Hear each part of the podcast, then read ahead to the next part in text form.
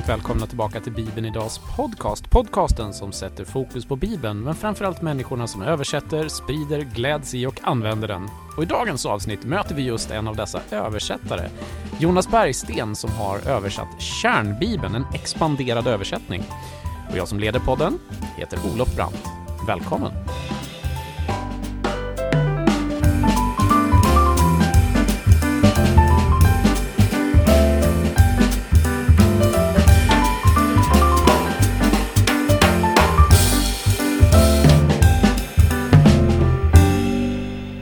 Varmt välkomna tillbaka till Bibeln Idags podcast. Idag med en eh, lite annan mick än vanligt. Men jag hoppas att ni orkar lyssna ändå. Även om ljudet är lite burkigare i den här micken har vi märkt. Välkommen till podden Jonas Bergsten. Ja, vad roligt att få vara med här Olof. Du var ju med här för, eh, ja, vad kan det vara, fyra år sedan eller någonting. Så ni som kan eh, hela podcastbiblioteket kanske känner igen din röst. Men för de som inte har lyssnat på precis vartenda avsnitt av, av eh, vår podcast. Vem är Jonas Bergsten? Ja, eh, Jonas heter jag, är 46 år gammal och eh, gift med Liselott. Vi bor i Värmland Eh, och håller på med bibelöversättning. Så det är väl den korta varianten. Men det är en expanderad översättning så jag har en förmåga att lägga till, ha mycket ord så att det kan vara expand Min fru brukar säga att jag pratar expanderat ibland också. Så. Det passar ju i och för sig i podcastformatet att kunna lägga ut orden lite. Mm. Bibelöversättare säger du. Hur, hur hamnar du där? Ja, det var inte någonting jag egentligen trodde jag skulle hålla på med. Faktiskt så Eh, jag tror det var Olof som satte en rubrik i Anta utmaningen eh, eh, civilingenjören som blev bibelöversättare någonting. Ja, just det. Så, så den har faktiskt använt ibland ute och, ja. och predikat för liksom eh, sammanfatta lite var, var jag kommer ifrån. Men eh, det var egentligen inte alls på, fanns att det, någon tanke att jag skulle bli någon bibelöversättare utan det är någonting som har växt fram, faktiskt var språk med sämsta ämnen i skolan. Fick tillbaka uppsatserna, mer rött än svart, eh, stammade och läspade och heter man Jonas så är man liksom avslöjad som läspare så fort man säger sitt namn. Så det, ja. ja. det, det var en liten resa kan man säga. Men varför blev du intresserad av det här? Jo, men jag har väl alltid varit intresserad av Bibeln. Jag, när jag tittar tillbaka i, i gamla, min första bibel jag fick i konfirmationen i det var i Citykyrkan i Stockholm. Eh, så där kommer jag ihåg att det är liksom Galaterbrevets andens frukter. Här har jag satt små 1, 2, 3, 9 stycken små ringar i. Den, jag har alltid gillat strukturer och jag, liksom, i mina språk var, äh, det var eh, inte någonting för mig kände jag. Så, så utbildade mig till IT-ingenjör. Civilingenjör jobbar med det. Och eh, gillar an, an, liksom analytiska, man kan liksom få struktur och saker och ting och sådär. Och eh, så gillar att se Bibeln på just det, de fina strukturerna som finns i Bibeln. Och det är kanske lite en annan ingång än eh, liksom om man kommer från språkhållet i det. Men eh, det var väl egentligen eh, nu, min fru och jag, vi bodde i USA flera dit 2000 och jobbade med IT. Och var med i fantastiska församlingar där det var en församling var det bön varje morgon varje kväll. man stack ner en torsdagkväll liksom innan eller efter jobbet. En på morgonen innan jobbet. Och där var det som en timme. Man hade ofta med sig sin bibel och läste. Och jag skaffade Amplify Bible. De hade ibland republik när jag läste det och tyckte jag förstod så väldigt mycket mer. Som en mm. eh, sån här engelsk variant av expanderad översättning som har lite parenteser och klamrar som förklarar orden och så. Så det, det, tyckte jag var superbra. Det här skulle vi ha på svenska men det fanns, där fanns inte... Skulle jag hålla på med det? Det var verkligen ingenting. Nej, nej. Eh, så. Men Eh, sen läste jag faktiskt förordet till Amplify Bible. Och det var där som på något vis Gud övervisade att eh, han kunde använda en IT-kille på 2000-talet. För eh, Amplify Bible läste då var Francis, en kvinna, född på slutet av 1800-talet. När hon tog examen eh, så fick hon inte ta ut den på den eh, amerikanska skolan utan var tvungen att flytta, ta en annan delstat som tillät kvinnor att få ut examen. Okay, okay. Eh, så att, men hon tog jag inte standardöversättningen i USA och så la hon på mer liksom förklaringar på orden. Och någonstans där växte, kunde en kvinna göra liksom det med de förhållanden borde en IT-kille kunna göra på 2000-talet. Så alltså Gud övervisade. Jag kommer ihåg så väl, vi bodde i San Diego då och eh, Lisa satt ute i vardagsrummet. Jag kom ut från kontoret, jag jobbade hemifrån då och sa jag tror jag ska översätta Bibeln. Och, och min fru var väldigt cool, liksom, sa Ja, du vet väl att det är ganska mycket. Och jag kommer ihåg att jag sa, vad tog liksom någon, någon sekund och tänkte ja, ungefär tio år kan det nog ta. Och så sa han, ja men ja, det var liksom lika bra att börja. Ja, och så gick jag in och faktiskt började med Ordspråksboken. Alltså det är lite kort variant, men precis så gick det faktiskt till. Eh, men eh, ja. Men okej, okay. så en expanderad översättning. Mm. Anledningen till att vi sitter här är ju för att du nu faktiskt har fått Nya Testamentet i bokform. Det är en rejäl tegelsten som jag sitter här med i handen. Som eh, vi kan bläddra i den här för micken. Ja, extra inte riktigt bibelpapper i och för sig. Men, Nej, eh, det är faktiskt lite, lite gulaktigt papper. Eh, lite som tjockare. Är, lite tjockare för det är mycket bilder i. Och det gör att det är lite lättare att läsa. Eh, ja. Så att det, det, är en tanke med det. Men eh, vi har ju när, när, du var på besök senast så var det mycket ett webbprojekt och du hade mm. tryckt, eh, jag tror då hade du tryckt någon av eh, evangelie... Ja, kyrkogårdens texter fanns i bokform på Sjöbergs förlag. Det stämmer. Det. Ja. Men nu har då Nya Testamentet kommit och då tänkte vi att vi skulle ha tillbaks det här i podden för att, för att prata. Beskriv lite extra, expanderat kanske. Ja. Vad, vad är en expanderad översättning? Ja, man kan säga så här att eh, eh, både grekiskan och hebreiskan som de flesta som lyssnar på den här podcasten känner till, är ju ett bredare språk. Där det finns liksom eh, det är ofta svårt att översätta för det finns ju fler verbformer än vad på svenska. Eh, orden har liksom en vidare betydelse ibland och liksom betyder flera saker. Och ofta som översättare tvingas man ju välja ett av liksom, du tvingas välja ett ord och du tappar ofta av betydelse. Mm. Så eh, i en expanderad översättning tillåts du ha flera ord för att liksom måla grundordets betydelse. Som ett exempel är eh, agape, eh, kärlek. Och det har vi liksom eh, ett ord på svenska och vi har fyra ord på grekiskan. Men då kan man Agape kan man måla som osjälvisk utgivande kärlek och då får du med dig en parentes bakom att det är liksom det som finns i, i, i betydelsen. Så det kan man säga är en expanderad. Sen kärnbibeln har väl, man säger tre saker som är speciellt med den. Eh, först är det parenteserna som är liksom vad, vad orden betyder och även verbformer som en pågående händelse. Vi ska eh, eh, bulta på dörren, vi ska be och vi ska liksom eh, där är gång på gång. Eller vi ska älska varandra. Det används i Johannes brevet av att gör det gång på gång. Och det är faktiskt en, liksom, har faktiskt betydelse i en församling om man ah, nu får det vara nog med den där brodern som har varit... Eh, mm, nej, men alltså det pågående. Jag vill faktiskt älska gång på gång våra liksom, trossyskon. Eh, så man får med de här nyanserna. Verbformer som vi inte ens har på, på, på svenska som på engelska middle eller på svenska medium. Som, vi har ju någonting som är aktivt som du gör. Så finns det en passiv eh, form. Man kan säga att eh, aktiva, jag parkerar bilen. Mm. Eller passivt, jag lämnar nycklarna till Olof Brandt. Du parkerar bilen åt mig. Ja. Men sen finns det den här mellanformen som är att jag gör någonting aktivt som samtidigt gör någonting passivt åt mig. Eh, och det, det blir lite intressant för det, det används ibland för att lägg bort synden. Och det är för att det är någonting aktivt jag gör. Men så kommer det faktiskt göra någonting positivt till dig tillbaka. Så då används den här mellanformen som på flera ställen faktiskt är eh, intressant i översättningen. Det får en, en till nyans i, ja, i betydelsen. Eh, någonting som har hänt i dåtid som har påverkat nu, som är korset. Alltså det finns massa saker som, som kommer in i just verbformerna. Så där finns ofta med sådana saker. Men det första är, eh, i kärnbibeln är parenteserna som är det som står i grundtexten som man liksom förmedlar fram. Det andra... Vi kan ja. bara ge ett exempel på det ja. då. Eftersom du sa kärlek så slog jag mm. upp eh, första Korintierbrevet 13. Mm. Och då har du skrivit så här. Om jag talar både människors och änglars språk men saknar kärlek och allt det bibeltext så att säga. Mm. Sen kommer en parentes som är osjälvisk, utgivande och villkorslös. Och då är det ju en, en expandering av ordet kärlek där. Mm. Ja, ja, väldigt bra exempel. Mm. Eh, så det är första liksom, parenteserna som det är det som står i bibeltexten som man liksom försöker lyfta fram. Eh, det, nästa är eh, klamrar som vi använder som är som en, kan man säga, mer traditionella noter som ofta ligger längst ner i texten.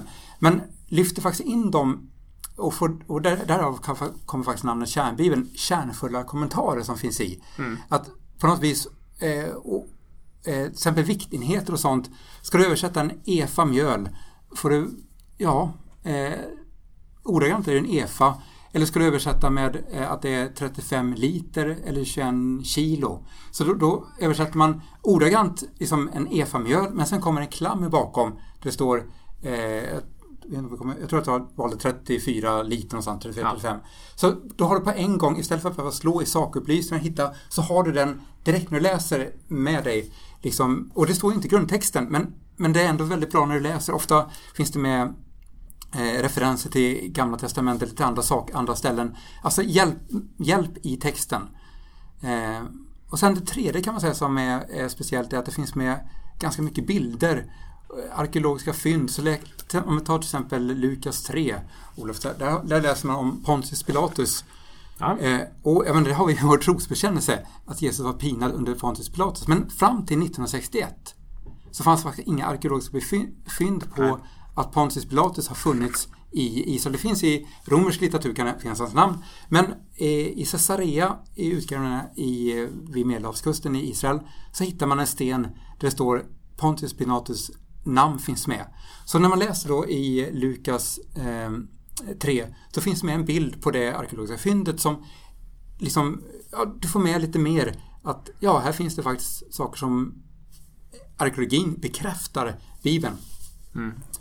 Det kan man ju ge om jag stannar kvar i för att ge ett exempel ja. på nummer två där med hakparentesen. Mm. Alltså, om man då fortsätter Korintierbrevet 13 så blir det ju då Så är jag bara ekande brons eller en skrällande symbol.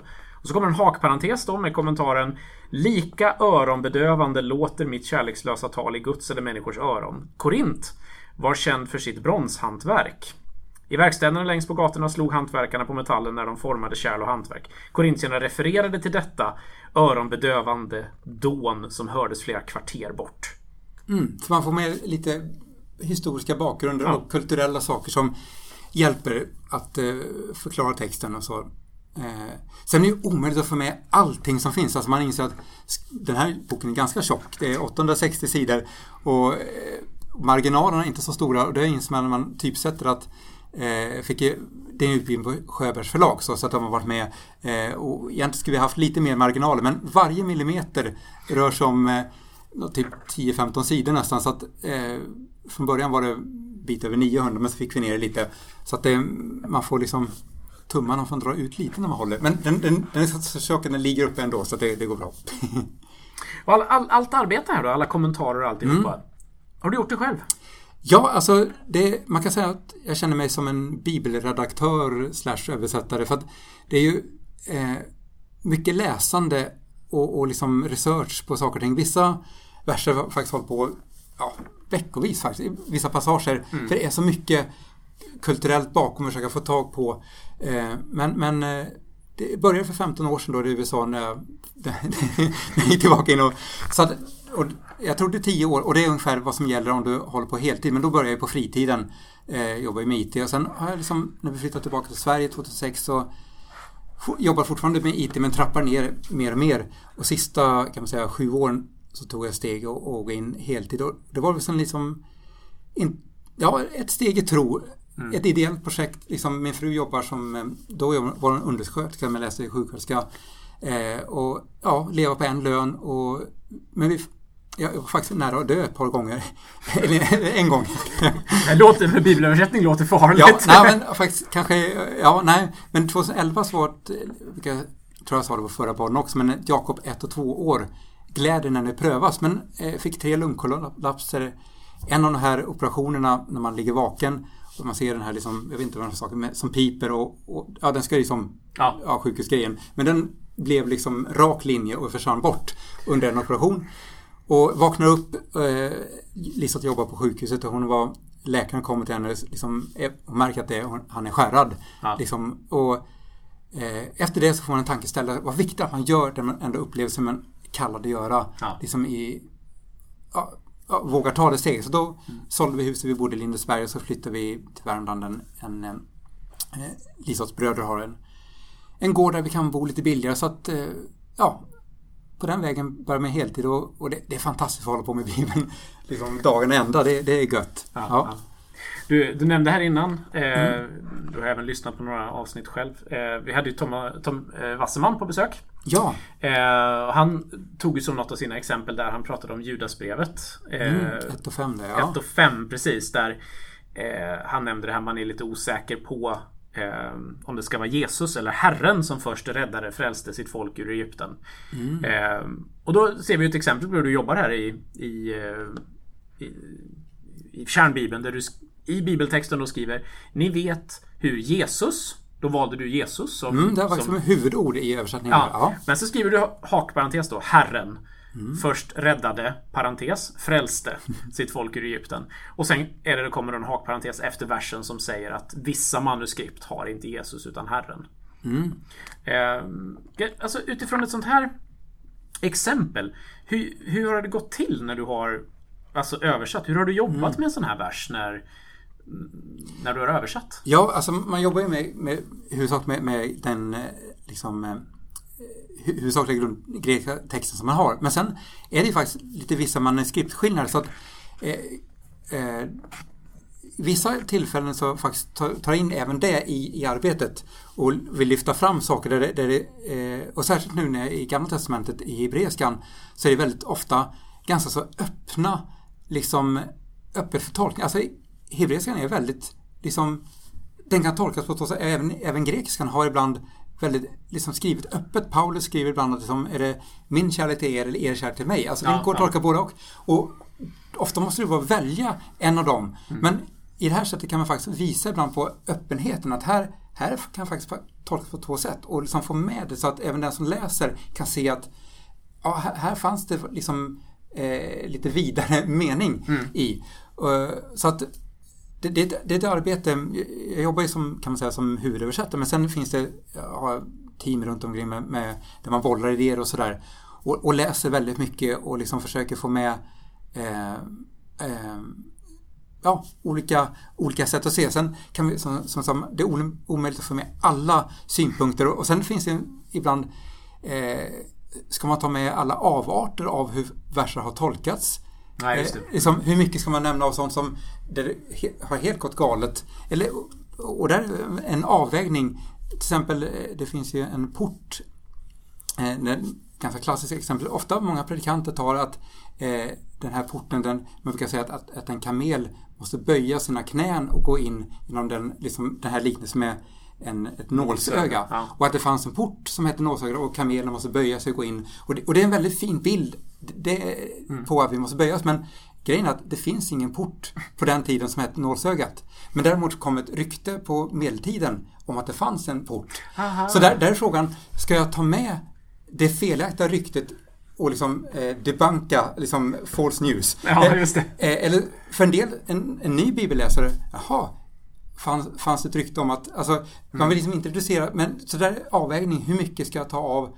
Eh, men, men i det läget tog jag faktiskt med den, för att den är ganska känd eh, som predikanter bara plockar upp efter, ja någon har sagt det och jag säger det.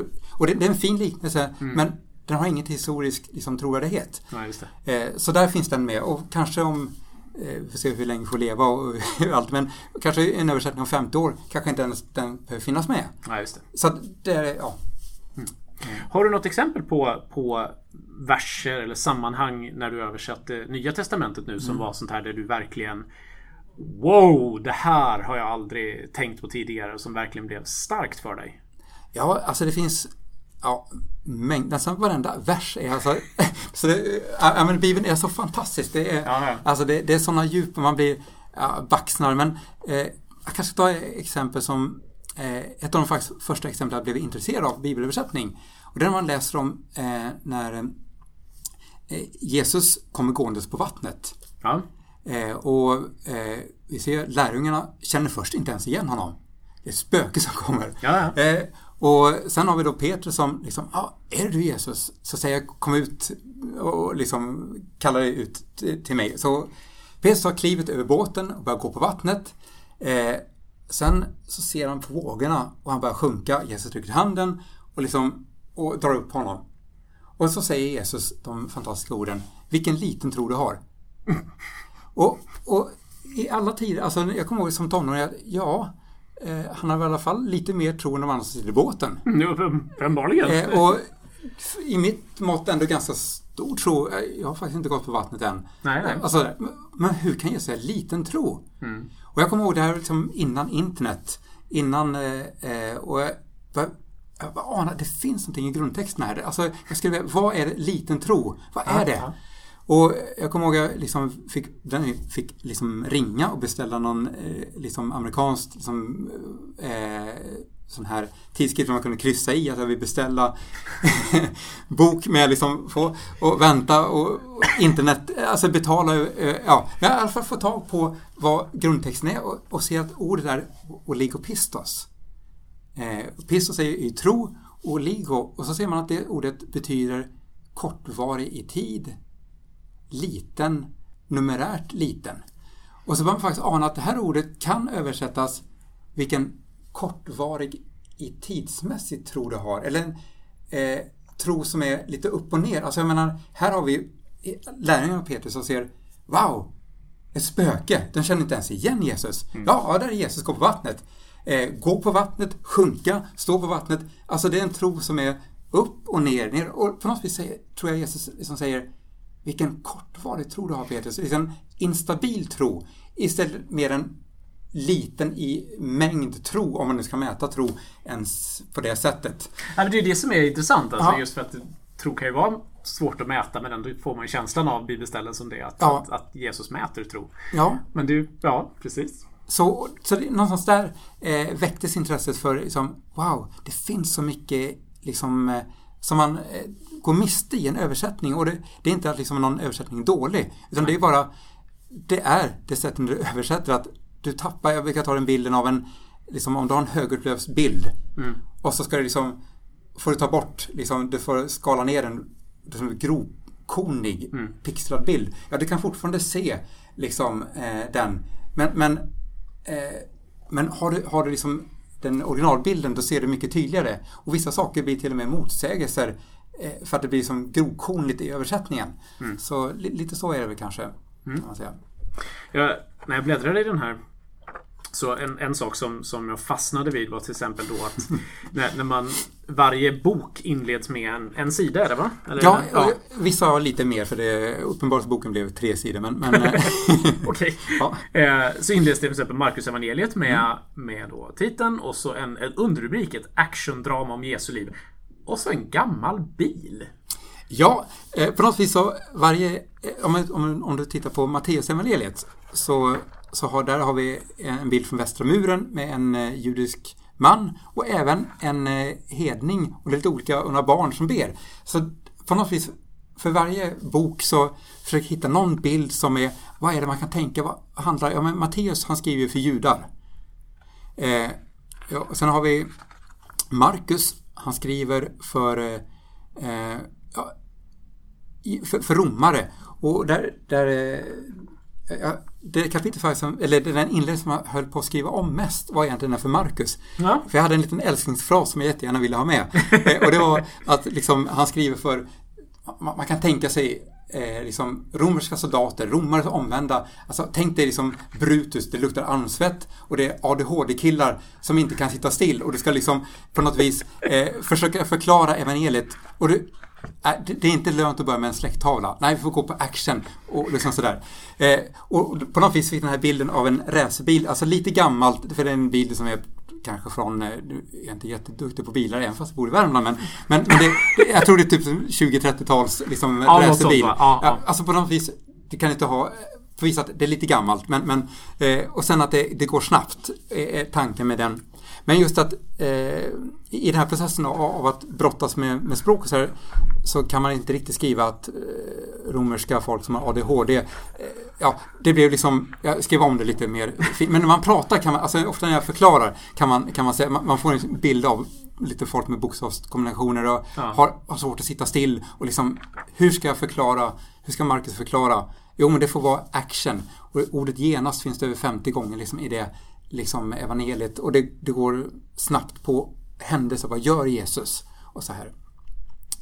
Så de bilderna, det finns en bild då inför varje där. Och det, det är också lite intressant man eh, på är det andra Johannes brevet eh, första och andra är egentligen motsatta samma sak fast en, I ena fallet så handlar det om att man faktiskt måste vara lite noggrann vilka man släpper in och prata.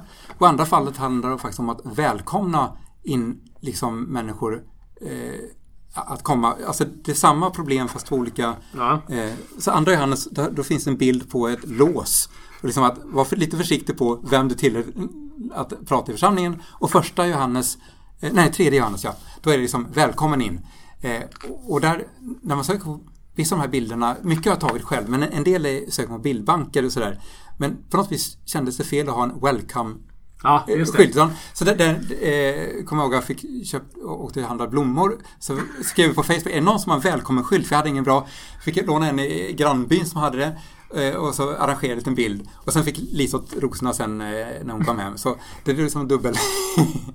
men, men försöka få bilder som kan liksom på något vis illustrera bibelböckerna.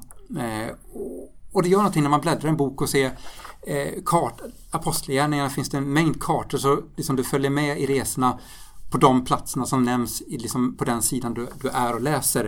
Eh, när man läser i Romarbrevet så eh, det skriver ju Paulus ifrån Korint. Och det bara slog mig när jag nu faktiskt nu i somras och var där eh, och, och det, vi bodde på ett eh, Airbnb, eh, eh, eh hyrde en liten lägenhet och där finns en bok. Den eh, en, en engelsk kvinna ja, någonstans på mitten på 1800-talet skriver om de fantastiska solnedgångarna i Korins, Korintiska viken. Ha. Och sen inser man att varje kväll är så alltså folk kommer ut och ser skådespelaren solen går ner i Korintviken. Och sen tänker man, wow, här sitter Paulus. Här vet jag att han är eh, ganska lång tid. Eh, visst är det ett och ett halvt år men nu, så jag tror han är i, i Korint. Jag tror nästan det, ja, jag tror det. Det står i inledningen runt om. Ja, det kan vara. Och sen kommer han tillbaka och då skriver han Romarbrevet och det är lite kortare tid. Men troligtvis, vi vet att han jobbar, han jobbar ju med Aquila och Priscilla. Eh, på kvällen kanske han sitter och skriver eh, eh, Romarbrevet. Och, och, och, och vi vet i alla fall att han ser de här fantastiska solnedgångarna. Och i Romarbrevet eh, 1, och- 1, och, eh, 18 och 19 när han skriver att alltså, i skapelsen så kan man se Alltså det är uppenbart vem Gud är. Och då, då vet man att den bilden han har när han skriver det här brevet är de fantastiska solnedgångarna i Korint. Så där finns det med, eh, och det faktiskt kom med i andra upplagan, eh, eh, den bilden från en solnedgång i Korint i, i början på Romarbrevet då. Så. Svårt att fånga en solnedgång i svartvitt kanske. Men... Ja, och det var verkligen eh, inte alls lätt. För man tror ju, eh, och, och- och där är en av de grejerna jag jobbar med, med, med förlag är att, och jag börjar med, jag vill ha färg, färgtryck, men det fick jag ge mig. Det fick bli de första 16 sidorna. Ja, jag ser. Eh, Så, men eh, alltså det, en, dröm är ju att kunna få med, med större upplaga och sen att kunna faktiskt få med fyrfärgstryck i Mm. hela, men på något, något vis är det ganska bra med svartvitt också. Det blir en, en helhet. Annars måste man jobba med färger så att det stämmer. Så i det här grund, första utgåvan är det ganska skönt också att ha svartvitt. Mm. Det gör ett lugn i läsningen. Eh, men just solnedgången, ja, den hade varit fin att få eh, i färg. Ja. Mm. Nu är ju då Nya Testamentet klart och i någon mening så är det ju ett, ett, eh, ett fullbordat projekt. Du kan äntligen eh, äntligen visa människor det här är Ja. det jag har jobbat med. Eh, och sen vet jag att du fortsätter med Gamla Testamentet och det kommer vi tillbaka till. Men eh, sportfrågan lite sådär. Alltså hur kändes det att få den här i handen? Ja, det är fantastiskt. Alltså, när, man, när man jobbar, du vet du Olof, med digitala saker så du, man känner liksom inte skillnad på, på 10 megabyte eller 100 megabyte. När håller, liksom, men, men en bok så känns det skillnad om den är 100 megabyte eller 10 när man trycker. Mm. Ja. Och det kände man eh, eh, när, när, när Joel ringde att nu, nu kommer liksom eh, första upplagan i, i början på juni här. Eh, och det till Sjöbergs förlag och kommer in och får liksom få ta på den första, känna, alltså rent fysiskt få hålla i. Eh, Ja, det var fantastiskt. Så vi spelade in lite klipp där. Jag, jag, jag, jag brukar vara glad, men jag får väl säga att jag är, är mer än glad. det går inte att hålla igen. Det, Nej, nej. Ja, ja. Men eh, har du... Eh, jag vet, ibland när man gör trycksaker så, så, så förstörs glädjen lite av att man är rädd för att hitta massa fel och man är rädd för att hitta korrekturfel och sådär. Ja. Eh, har, har du... har du försonats med den du har i handen? Eller är du, är du fortfarande sådär att du... Ah, det känns... Ja, nej, men ganska... Att... Alltså, det är det som är ibland... Eller det som är... Eh, som jag sa så har jag ju en bakgrund av att dyslektiker eh, stavar illa. Men, men på något vis har jag faktiskt... Eh, just med läspande så var det faktiskt min fru som eh, får jag tacka henne för hon var liksom, eh, faktiskt i början när vi träffades, hon fick fråga om hela tiden vad jag sa. För jag sluddrade så otroligt mycket. Mm. Men hon hjälpte mig faktiskt att, du kan Jonas. Alltså, så det blir bättre med det. Men, men eh, så jag vet att min svaghet är liksom att, skriva liksom, eh, så jag har haft många korrekturläsare och jag har sen blivit väldigt mycket bättre på det också. Om man, man kan om man skärper till sig, läser långsamt och, och, så där, och verkligen läser varje ord så hittar man mer saker även om man, om man är dyslektiker. Så det, det, det går bra. Men, eh, och sen fantastiskt att få samarbeta med Sjöbergs förlag. Eh, och vi träffade Joel redan 2011 och jag tänkte, nej jag ska inte ta upp det här med något bibel, det, det måste Gud vara med och leda. Så det, det, blev liksom, det är fantastiskt hur Gud har varit med och lett liksom, mm. saker och ting. Eh, och då hade jag ingen aning om att skriva ut kyrkors texter. Och en sån där sak att när vi...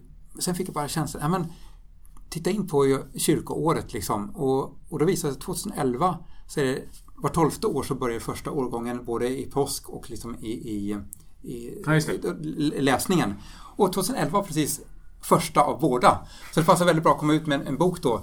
Eh, så Sjöbergs förlag har funnits med där och då eh, finns det ju väldigt, ja de har ju korrekturläsare som professionella mm. som finns med. Och sen är det väldigt många eh, ideellt som har hjälpt till och bara läst igenom och, eh, och sen på 15 år hinner man läsa ett par gånger och skriva om också. Så att det, några. Eh, några. Ja. Sådär, så det, jag känner mig ganska, men, men det finns fortfarande små ja, avstavningsgrejer man kan ändra lite. Men ganska tr så trygg ändå i stavning och, eh, och, och jag tänker nu, nu, på podden, är det någon som läser och hittar någonting så hör gärna av er alltså för det, eh, det, det det kommer flera värderingar och sådär. Mm. Så det, mm. och, och elektroniska versioner är ju väldigt lätt att uppdatera. Så att, eh, ser du någonting som är, du var tvungen att läsa om två gånger, någonting som är, hör av dig för det, det, särskilt kommentarer har man ju frihet i att liksom ändra om. Bibeltexten är ju är ibland svår, alltså den kan du liksom mm. inte ändra på bara för att liksom, det var svår. Utan, men du, fortfarande kan du liksom, finns det olika sätt att vända på orden lite sådär så att mm. det blir lättare. Jag tänkte på det här när du berättade om den Amplified som mm. finns på engelska. Eh, den expanderade. Så nämnde du att det är en översättning där hon sa att hon hade tagit en befintlig och expanderat den. Ja, som jag förstått det. Det finns mm. jättemycket. Eh, hon dog 65. 1965. Eh, så, och så kom den ut 1961 tror jag. Eh, helbibel då. Mm. Så han jobbade nog ganska många år med den. Men eh, som jag förstått det, som jag läst, så tog hon mm. eh, engelska, eller amerikanska standardversionen och sen fyllde på med ja. ord kring den. Så jag jobbade på det sättet, japp. Varför valde du inte att göra så? Varför valde du att göra en egen översättning också? Ja, alltså grejen, när jag började med det här så eh, det var ju på en bit efter 2000-talet och då var det fortfarande, det var innan eh, bibelappar. Så det började faktiskt med att jag gjorde eh, en låtsasdatabas, eh, Praisegate på nätet eh, och så eh, man kan inte bara lovsång när man ska Bibeln. Så jag började lägga in, eh, försökte, mejlade liksom, eh, försöka få in bibeltexter. Men på den tiden var det faktiskt inte så vanligt att man gav ut bibeltexterna, eller ja, man gjorde absolut inte det. Det var ju copyrightad material. Så att det var nej från alla håll. Eh, så jag tänkte, nej, det var ju synd. Men tänk om man kunde ha eh, så det var också en grund att få göra en översättning som var väldigt generös copyright. Så att redan från början så var tanken att det här kan få användas. Alla bilderna också är eh, du, om man predikar så kan du ladda ner högupplösta bilder och använda i liksom PowerPoint. Det är fritt att använda. Det är några bilder i Uppenbarelseboken som jag har köpt som inte är, men så därför måste man höra av sig och fråga. Men de flesta som jag har tagit och som folk har gett till mig, de är fria att använda. Så att eh, ha en generös copyright och man eh, kan få använda dem i nu, nu finns det de flesta översättningar och, den finns ju på YouVersion också, kärnbibeln. Så, men tanken är att du kan få använda det fritt. Mm. Eh, så det är bara faktiskt varför jag inte kunde ta en befintlig för det gick inte. Nej, just det. Precis. Mm. Um, ja, men vi kan gå över till det då. Nu har vi Nya Testamentet här. Mm. Uh, Gamla Testamentet är jag delar i översätta för det som finns i evangelieboken finns ju mm. översatt. Men är, är planen att det ska komma mer? Ja, så just nu är det 17% av Gamla Testamentet. Jag är i Saltar, psalm 26 just nu översätter. Och det är så fantastiskt roligt. Jag, jag, jag, det, det, är ingen dag utan man bara wow! Guds ord är så, så stort. Så det är verkligen, ja. är, det, är det någonting du bävar för att du ska komma till? Någon del av Gamla Testamentet som du tänker, oh det där kan bli en Eh, utmaning? Ja, ja, jag vet inte riktigt, men det kan nog... Nu kommer jag Det var någon... eh, Du kanske kommer ihåg Olof, men det, det var... Jag vet, det var en svensk översättning. Det var Jonas Dagsson som nämnde det där i hans bok. Eh, när han kom till ett ställe, det tog stopp. Han visste inte... Det är en, jag tror det på 40 eller 50-talet nu. jag inte- Ja men är inte det att han fastnade i Romarbrevet? Jo, det stämmer. Precis, Romarbrevet 12 kanske? Ja, Eller någon- så är det 1.12 menar jag. Ja. Kapitel 1, vers 11 någonstans här för Ja. mig. Just det. Ja. Eh, Så det, det har jag sen lite tänkt om man kommer till något ställe det tar stopp. Men eh, i och med att jag ändå har hoppat lite innan så i så fall kanske jag får lägga det på hyllan. Ja, och, eh, gå, eh, men men eh, Det kommer en hakparentes. Det här lyckades jag inte med. nej. ja, Men hur, hur jobbar du med, jag tänker Gamla Testamentet ännu mer får man ju en, en, en utmaning i att välja eh, vilka grundtexter man ska jobba med och det finns ju mycket så här, Alltså, eller mycket, det finns en del där man måste göra ganska stora val. Hur, hur gör du sådana val när du översätter? Hur väljer du vad som blir bibeltext och vad som blir hakparenteser? Eh, Ja. Är det någonting du, du går på känsla eller har du någon du sneglar mot eller någon du lutar emot extra mycket? Eller hur fungerar de valen? ja, alltså det, det är lite gråzon ibland. Liksom, vad ska vara en parentes och vad ska vara en klammer. Ja. Eh, men, men generellt sett brukar parenteserna vara där det är ganska så lätt att sätta några synonymer som förklarar ordet. Eh, ibland så, så kanske man behöver ha lite mer av en förklaring kring eh, om det är exempel, ja, i Gamla Testamentet är det ju vad översätter grekiska texten eller vad har eh, den hebreiska texten. Och där kan det vara skillnad, du kanske behöver förklara eh, saker. Så då, då är det ofta lite mer att det blir en klammer kanske med lite längre förklaring som målar tydligare. Så att det så kanske man kan säga att jag jobbar där. Eh, Men när du tvingas välja då? När du gör själva texten, när du gör själva bibeltexten. Hur, hur fungerar sådana val? Hur ser processen ut när du gör ett val så att säga? Ja, eh, jag utgår ju alltid från eh, grundtexterna när, när man liksom översätter. Ja. Så det, det liksom är, får vara huvudordet liksom. Eh, sen så finns det ju en... Man tittar på en hel del engelska översättningar, man läser en massa kommentarer. Eh, och sist brukar jag titta på några svenska också för att se liksom... Eh, men men eh, så, nära grundtexten som möjligt och ibland... Eh, ett klassiskt exempel är ju liksom... Eh, som eh, ofta är det ju eh, ja, hebreiskan har ju ofta väldigt fysiska eh, att du går på Guds väg. Eh, Men om man mer skulle översätta att du lever ett liv som är liksom, hela ditt liv är din vandring. Så där brukar jag ofta faktiskt kanske välja mer det litterära går eh, än att skriva liksom, din livsvandring. Liksom, det kommer mer applikation, eller liksom mer liksom, tolkning, eller vad man ska säga, förklaringen kommer mer, eh, väljer ofta kanske den i, i, i em, klammen bakom. Om man säger så att, Så i själva bibeltexten är du något mer litterär? ja, det kan man säga. Ah, okej. Eh, ja. Och till exempel första Salta salmen är ju väldigt fin. Där finns en eh, det börjar med den välsignad är den som inte. Och sen är det liksom tre ord. Den som eh, går, står och sitter. Och det, det är väldigt tydligt i hebreiskan att det är den som inte går bland eh, syndare, inte står, liksom, eller bland ogudaktiga det första, sen inte står bland syndare och inte sitter på bland be- bespottare. Alltså man ser någonting som är från gå, stå och stannar av till att sitta. Så det är väldigt fin, du ser, och, och det tappar man ofta i en översättning om man inte har det litterära, men samtidigt blir det väldigt liksom svårförståeligt. Mm. För man kan liksom inte eh, gå alltså det har ändå betydelse. Mm. Så att där, det finns båda två med. Men ofta väljer jag liksom med det litterära i, i huvudordet för att få eh, ja, det, det är ändå det som står om en, om en, en, en som läser på hebreiska skulle se det så. Så Mm. jag försöker få fram den bilden först liksom. Och sen försöker du hjälpa läsaren att förstå vad betyder, ja, ja lite så. Mm. Och då blir det hakparenteser. Ja, Ofta. och, ja, e- eller parentes. Och där- Och fortfarande är det lite svårt ibland att välja men, men eh, eh, i de gångerna där, där det är... Sen ska det ju... På de här eh, klamrarna är tänkt att de kan du både läsa och hoppa över så, så språket funkar. De är inte liksom en not bara som ligger i utan den funkar textmässigt.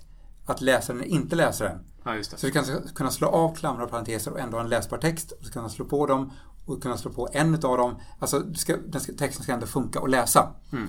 Så på, på grund av det så är det ibland, om det inte är en renodlad liksom, eh, förklaring så blir det en klammer eh, som då, i och med att det finns lite mer saker i, bara för att det ska funka. Eh, ja, ja. Mm.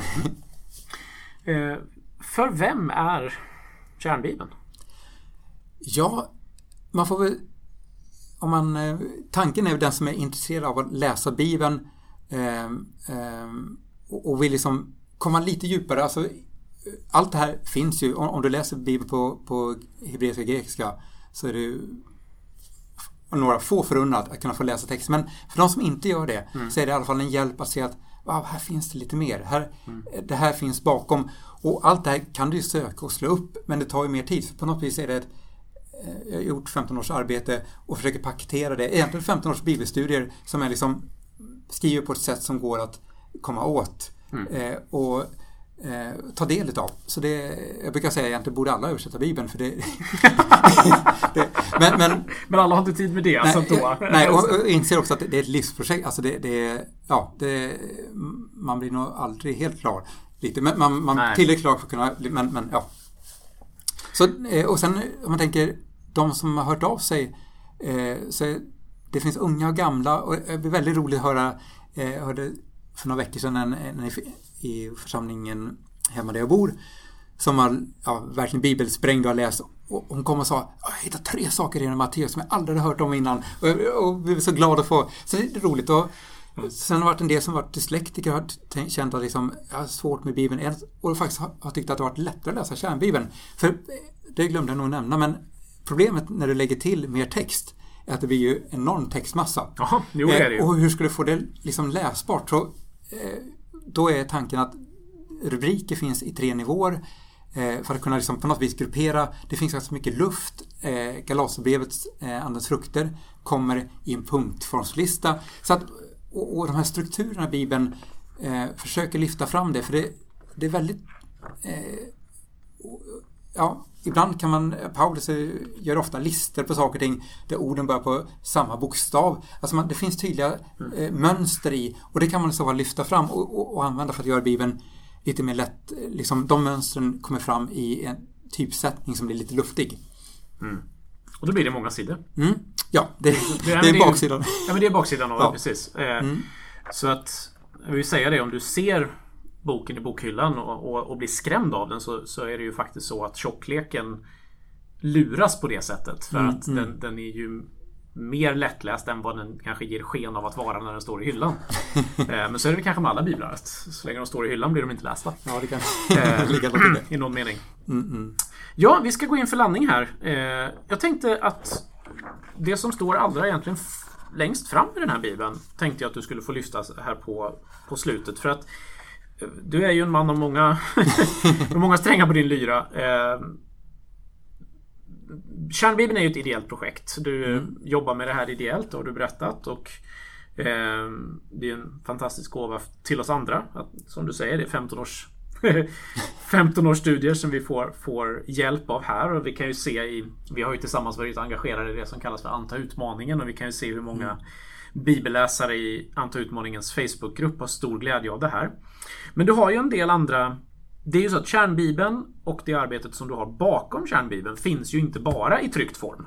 Nej, nej. Eh, och det tänkte jag du skulle få nämna någonting om här på slutet för den som kanske inte har hunnit köpa boken. Gör gärna det såklart. Men om du eh, sitter och blir, där hemma och blir nyfiken på kärnbibeln. Du nämnde att den finns på YouVersion. Mm. Men du har lite andra hjälpmedel också som kan vara värda att nämna. Ja, det, i och med att jag kommer från IT-bakgrund så har jag liksom gillat att försöka få eh, ja, titta på Bibeln på olika, eh, göra den tillgänglig. Och man kan säga att på YouVersion är det att bara, där finns kärnbibelns bibeltext. Eh, dock finns inte bilder med. Vi jobbar faktiskt med dem och försöka, eventuellt så kan det komma bilder så småningom. Ja. Eh, sen så finns en egen app, eh, dock bara för Android. Eh, tre gånger har jag försökt få den genom eh, Apple Store. Jag tror Olof du känner till historien om Bibeltusen som försvann. Japp! Och ni som har missat det så är det ja. så att Apple tycks anse att, eh, alltså så här är det att de ja. anser att en bok hör inte hemma som app utan en bok ska finnas som e-bok och ingenting annat. Och när vi försöker förklara för dem att men, Bibeln används på ett annat sätt, det finns andra funktioner i en bibelapp så tycker mm. de att nej, det är fortfarande bara en bok. Så ja. den, eh, vi, vi blev ju av med vår app och lyckades inte få tillbaka den eh, i Bibelsällskapet och du får inte upp din. Nej, och jag gjort tre försök och i sista försöket så la jag in en hel bibelatlas där länkat liksom precis på alla platserna är. Det finns en funktion så är du runt om i Europa, ja, i, i Grekland, Turkiet eller Israel kan liksom bara titta på din telefon var det är någonstans och vilka bibliska platser direkt få alla länkarna till vad det är. Men tyvärr så är det bara en bok enligt appen. Men eh, jag, inte... jag ska bara ge dig ett tips ja. i det. För när, mm. när, när, vi fick vårt slutliga avslag så mm. svarade de att ja, men ni behöver göra den, den mer interaktiv. Ni kan väl lägga in ett pussel. Mm. Så lägg in ett pussel. Ja, jag ska göra ett försök nu. Det finns lite funktioner så att man kan eh, utveckla appar både till Android och eh, iOS. Eh, så inte behöver lägga tiden. Så det finns... Ja, ja vi hoppas. Ja, vi hoppas. Men tillbaka till det som finns. Ja. Så, så är det, på, i alla fall på Kärnbibelns hemsida, där finns en eh, bibelatlas. Eh, och där kan man eh, till exempel lägga på olika lager på kartor. Så att om man eh, vill titta på hur romarriket såg ut, eh, ja, det är nog från hundratalet ungefär, men det, där har du ändå vägarna som det var på, på Bibelns tid. Mm. Alltså de läser de om Jesus i en vers kan ibland är han i Kapernaum, sen är han i Nasaret. Däremellan är ungefär vad är, fyra mil.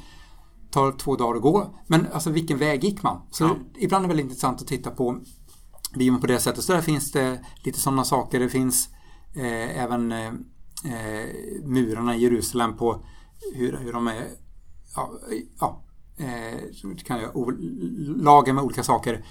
Eh, det finns massa bilder. Eh, klickar du på en bibelplats så går den in och söker på flickor eller goda tjänster och laddar upp bilder. Den börjar på 50 meter från den platsen, går ut tills den hittar ungefär 50 eller 100 bilder. Så, så du får en känsla för hur, hur ser det ut på bibelns plats och du hittar tillbaka till alla ställen där den nämns och så här. Så att det, eh, ja, det, bibelatlasfunktionerna finns där och där kan man också läsa kärnbibeln. Det finns med liksom eh, en innehållsförteckning på, har du tillräckligt stor skärm så har du med dig innehållsförteckningen på, vad blir det? Vänster sida? Nej, Nej höger sida. Höger sida. Okay. så finns det med, och den scrollar med, så är, är du läst någonstans så vet du liksom var du är någonstans i texten. Ja, och sådär. Ja. Ehm, så där finns eh, översättningen. Eh, och så. Sen är det ju någonting att, att läsa på papper. Även fast vi är i en mm. digital värld så är det eh, på lite gul, gulnat papper. Och bra, liksom, men den funkar inte så bra att ha med sig.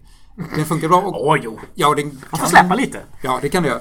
Och ska du slå någon eh, i huvudet med Bibeln så kan jag verkligen rekommendera den. Det är bra effekt. nej då. Eh, just det, det är hårdperm också så att eh, ja, den ja. känns. Ja, mm. Nej.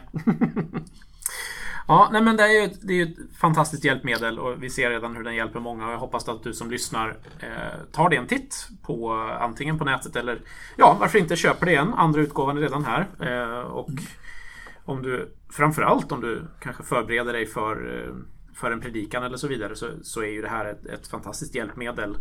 Eh, och alla kyrkoårets texter finns ju som sagt. Ja. Så mm. att eh, man kan även få Gamla, testet med, Gamla testamentet med då på, på, på köpet. Även om allt inte är översatt än.